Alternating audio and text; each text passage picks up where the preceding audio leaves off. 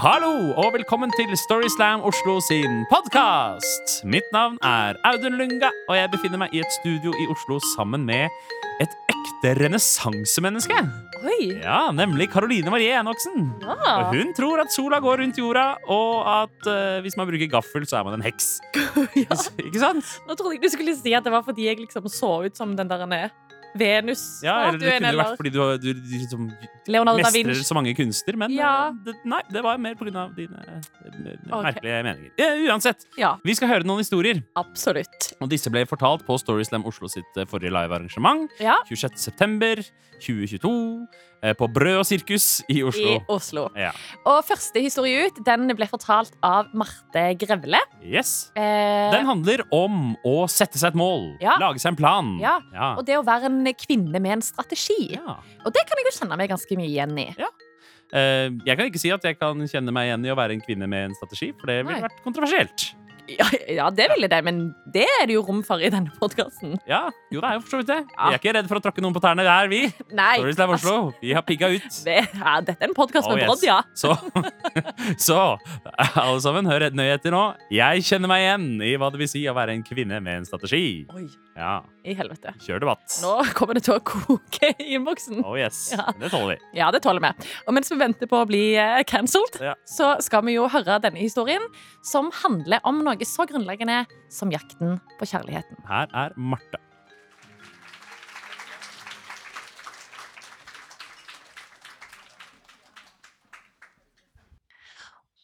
Det var eh, 2015. Jeg var 24 år gammel, eh, og jeg hadde vært eh, single and ready to mingle i 24 år. Alle rundt meg eh, var, hadde kjærester. Altså, det spilte ikke noen rolle om jeg dro på tur med familien, alle var i par, eller om jeg dro på tur med venner, eller hang med venner. Alle var i par.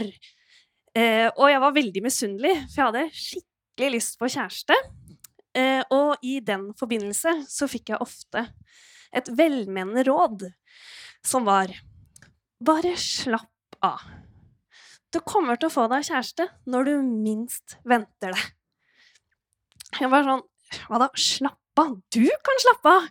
Altså sånn, Skal jeg bare sitte her helt passivt og vente på at jeg skal få meg kjæreste? Det hørtes helt sånn absurd ut for meg. Eh, derfor bestemte jeg meg for å bli en dame med en strategi for å få meg en kjæreste. Strategi nummer én ikke bli avvist. Jeg dro alltid på veldig mange dates, og jeg prøvde alltid å ha flere dates klare. Det var på en måte en liste eh, med personer som jeg kunne dra på potensielle dates. Og ved det første tegn på at det her kunne det være en avvisning, så eh, pleide jeg alltid bare å si sånn 'Den er grei, ha det bra, det går fint'. Eh, og så tok jeg data nestemann på lista. Fordi jeg var Jeg veldig, ville veldig gjerne ha kjæreste, men samtidig så var jeg livredd for avvisning. For, for meg så var en avvisning forferdelig vondt, og en bekreftelse på min største frykt om at jeg ikke var god nok, eller at jeg ikke fortjente kjæreste. Men så en kveld på Josefines vertshus så møtte jeg Marius. Og jeg falt helt pladask. Jeg kasta lista med potensielle navn, og jeg data bare han. Marius var morsom og smart. Det eneste problemet var at eh, han ikke var over eksen sin, og ikke hadde lyst på kjæreste. Og det er jo et ganske stort problem. Eh, og dette her fant jeg ut av etter at vi hadde data et par uker, hvor han sendte meg en melding hvor han sa at han trengte tid til å komme over eksen, og at han ikke var klar for å involvere seg i noe nytt. Altså Det som ikke skulle skje, hadde akkurat skjedd. En avvisning. Altså, mitt første instinkt, det var å bare si 'den er grei, ha det bra', og finne fram den lista fra søppelkassa og date nestemann. Men mitt andre instinkt, det var å ringe søstera mi. Og hun sa 'Marte, nå må du stå i det her'. Han sier at han trenger tid. Og tid, det har du jo masse av. Du må se på ærligheten hans som en gave. Og da bytta jeg til strategi nummer to, og det var å vise mye forståelse. Så da sendte jeg han en melding og jeg skrev Jeg ser på ærligheten din som en gave. Det er helt naturlig at du trenger tid til å komme over eksen, og tid har jeg masse av.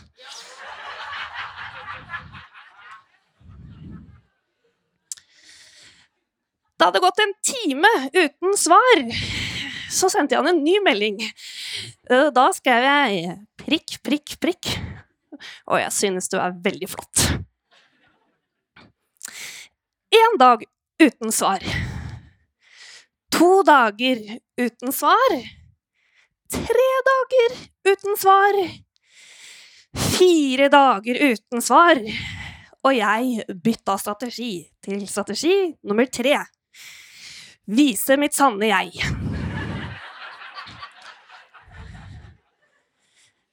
Etter en usjarmerende mengde med vin, så sendte jeg Marius en ny melding. Der sto det 'Hei! Jeg vet at jeg er en fitte nå.' Og ja, jeg gikk for det ordet. Jeg kunne valgt veldig mange andre ord, men jeg gikk for fitte. Så jeg skrev 'Hei, jeg vet at jeg er en fitte nå, men jeg tolka meldingen du skrev som at du trengte tid. Men null kontakt, det gidder jeg ikke. Og så ringte han. Og da blei det strategi nummer fire å inngå et kompromiss. Så vi fortsatte å date, som Marius kanskje syntes var litt kjipt. Eh, men også helt uten fysisk kontakt, som jeg syntes var litt kjipt. Det ble sånn Hei, hei, kompis. Eh, men greia var at vi likte jo hverandre. Det var bare det at Marius var fast bestemt på at han ikke ville ha kjæreste. Eh, så det blei mange eh, platoniske og dølle dates. Altså, vi data i fire måneder med kjempedølle dates. Og da tenkte jeg nei, vet du hva, det her går jo ikke.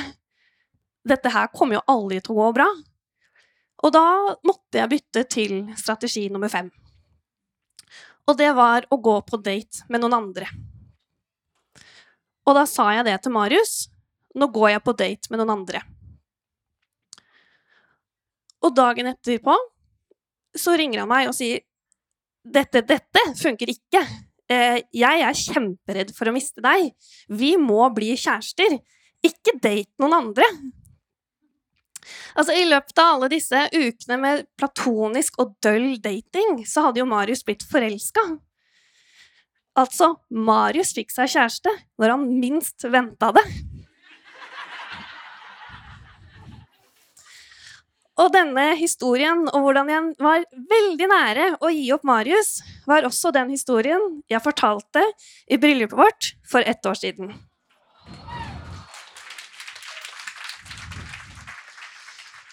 Og hvis man skal lære noe fra denne historien, så tror jeg det må være at man må se på ærligheten som en gave. Og hvis du vil noe nok, så må du tåle å stå i det. Men av og til så må man bare være en fitte. Takk for meg.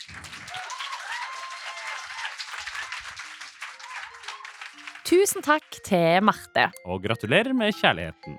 Ja, og gratulerer med kjærligheten. Ja. Det er så, så stas at det.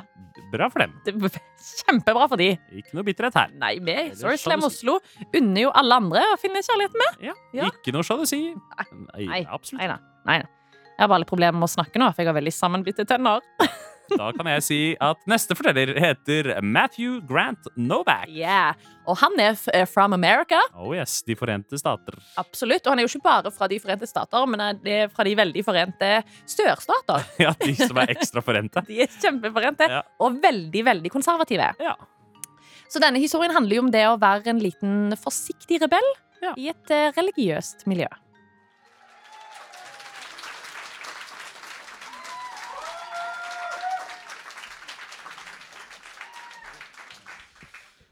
I grew up in a small town outside of New Orleans, Louisiana. Think Vampire Diaries, think swamps, think swimming with alligators in lakes, think country people and fried food all the time. But also, what you have to understand about my hometown, you might think southern Norway is very conservative and religious, but you haven't been to the southern US. There is a fucking church on every street corner, and on every street, you have First Street Baptist Church, you have Third Street Baptist Church. And we also didn't just have these religious rules, but we had family rules, and they were absurd. So in my family, the three rules that you never broke were one, you never drank, you never got tattoos, and you never did anything to bring shame to your family. And the most important one out of that was you don't get tattoos because one, why would you put something on your body that God made perfect? And two, tattoos lead to drugs, drugs lead to crime, crime leads to jail, and that brings shame to your family. So growing up, I not to brag was the golden child of my family. So I was the one that never did, did anything wrong. I was the one that was supposed to be a pastor. I never questioned anything, or so my family thought. So growing up, I would sneak across town to drink with my friends, to smoke, to do things that would not be approved by my family or the church I went to. So at 18 years old, rebellious Matthew was was ready to do his most rebellious act. And I decided I was going to get a tattoo. I was going to put my reputation with my family at stake. I was going to be the druggie that they were going to assume um, that was going to go to jail, according to them. So at 18 years old, I drive across town as I'd done many times before to do the sketchy things I did growing up and I'm in this tattoo parking lot, sitting in my car, hoodie over my head. Middle of the day, my parents are at work, but I'm thinking, okay, are my parents around? No. Okay, good. Sunday school teachers? No, they're not around. Friends of the family? We're clear. So I get out of my car, slam the door, dash to the front door, and I get into the middle of this tattoo studio, and it's just me and this tattoo artist. I'm relieved. I take a deep breath and we walk down this hallway. Tattoo studios on every side, and we get into his room. Close the door. I'm excited. I'm nervous, and I feel rebellious. So he gets done giving me my tattoo, and I have this bold tattoo across my arm, black, fresh, takes up my entire arm. I feel like a new man. I feel transformed. I get up out of that chair, chest back, shoulders back, and I stand up and I open the door. And across the way, this door opens up. And there's this man standing in the middle, covered in tattoos. And he has this nice, fresh dragon tattoo on the top of his shoulders. And I'm just in awe of it. And then I notice I know that hair. I know that hairline. And it, I hear him talking. And I'm like, I've heard this deep voice before, but I can't remember where. And it it confuses me. And so I'm standing there observing his tattoos, working my way up his back, looking at this dragon tattoo. And in that moment, it's like slow motion in a movie. He turns around and we lock eyes. And I'm like, holy shit. This is my Uncle Scott my uncle, who's the most conservative man I've ever met in my entire life, who goes to church every Sunday, who wouldn't let us watch R rated movies, who, if we cussed in front of him, would pop us in the back of the head. This is my uncle who is covered in tattoos, not just on his back, but all around on his front as well. And we lock eyes and we're staring at each other, being like, oh shit we're here. And in that moment, we make this silent agreement that we're not going to tell our family what's going on. Because in my mind, what's racing through my mind is have I ever seen him at the beach before with a shirt off? We've done yard work before. I've never seen it. And so what happens is we sit there and have this silent agreement with our eyes because I see that we both have the same fear. We start to walk out of this tattoo studio, heads down, hoodie over our heads, and we get outside, and he slightly turns to me and whispers, Don't tell a soul. And then he vanishes like a vampire or like a ghost. Uh, we're in Louisiana, and so I'm I'm just thinking this is my worst nightmare. My reputation is done. Like my family's gonna think I'm this druggy. So about a week later, we're sitting at Thanksgiving in hot, humid Louisiana outside. I'm in a jacket to cover my tattoos. He's in this button up t shirt with a black undershirt underneath to cover his. And we have this moment where we we lock eyes and it's only for a few seconds, but it feels like eternity. And we acknowledge that we know each other's darkest secret. That no one at this table in our family, my grandparents, my parents, our cousins, they don't know. But we know what we've done. And just like that, we go back to having conversations, to pretending that we haven't been rebellious.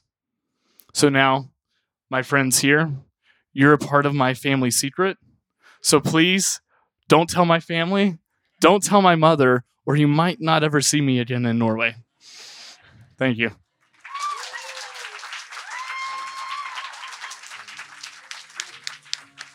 Tusen takk til Matthew. Hvis du eller eh, noen du kjenner har en god historie som passer til vår scene, så syns jeg du skal sende oss en melding. Absolutt. Ja. Da søker du opp Storyslam Oslo på Facebook eller på Instagram, Yes. og så sender du oss en melding der. Eller så presser du da din venn til å gjøre det. Ja, det kan du også gjøre. Og så kan du eller din venn stå på vår scene på vårt neste livearrangement foran et hav av glade mennesker. Nettopp. Og i mellomtiden så kan du jo abonnere på denne podkasten, som kommer ut med ujevne mellomrom. Takk for nå! Takk for nå.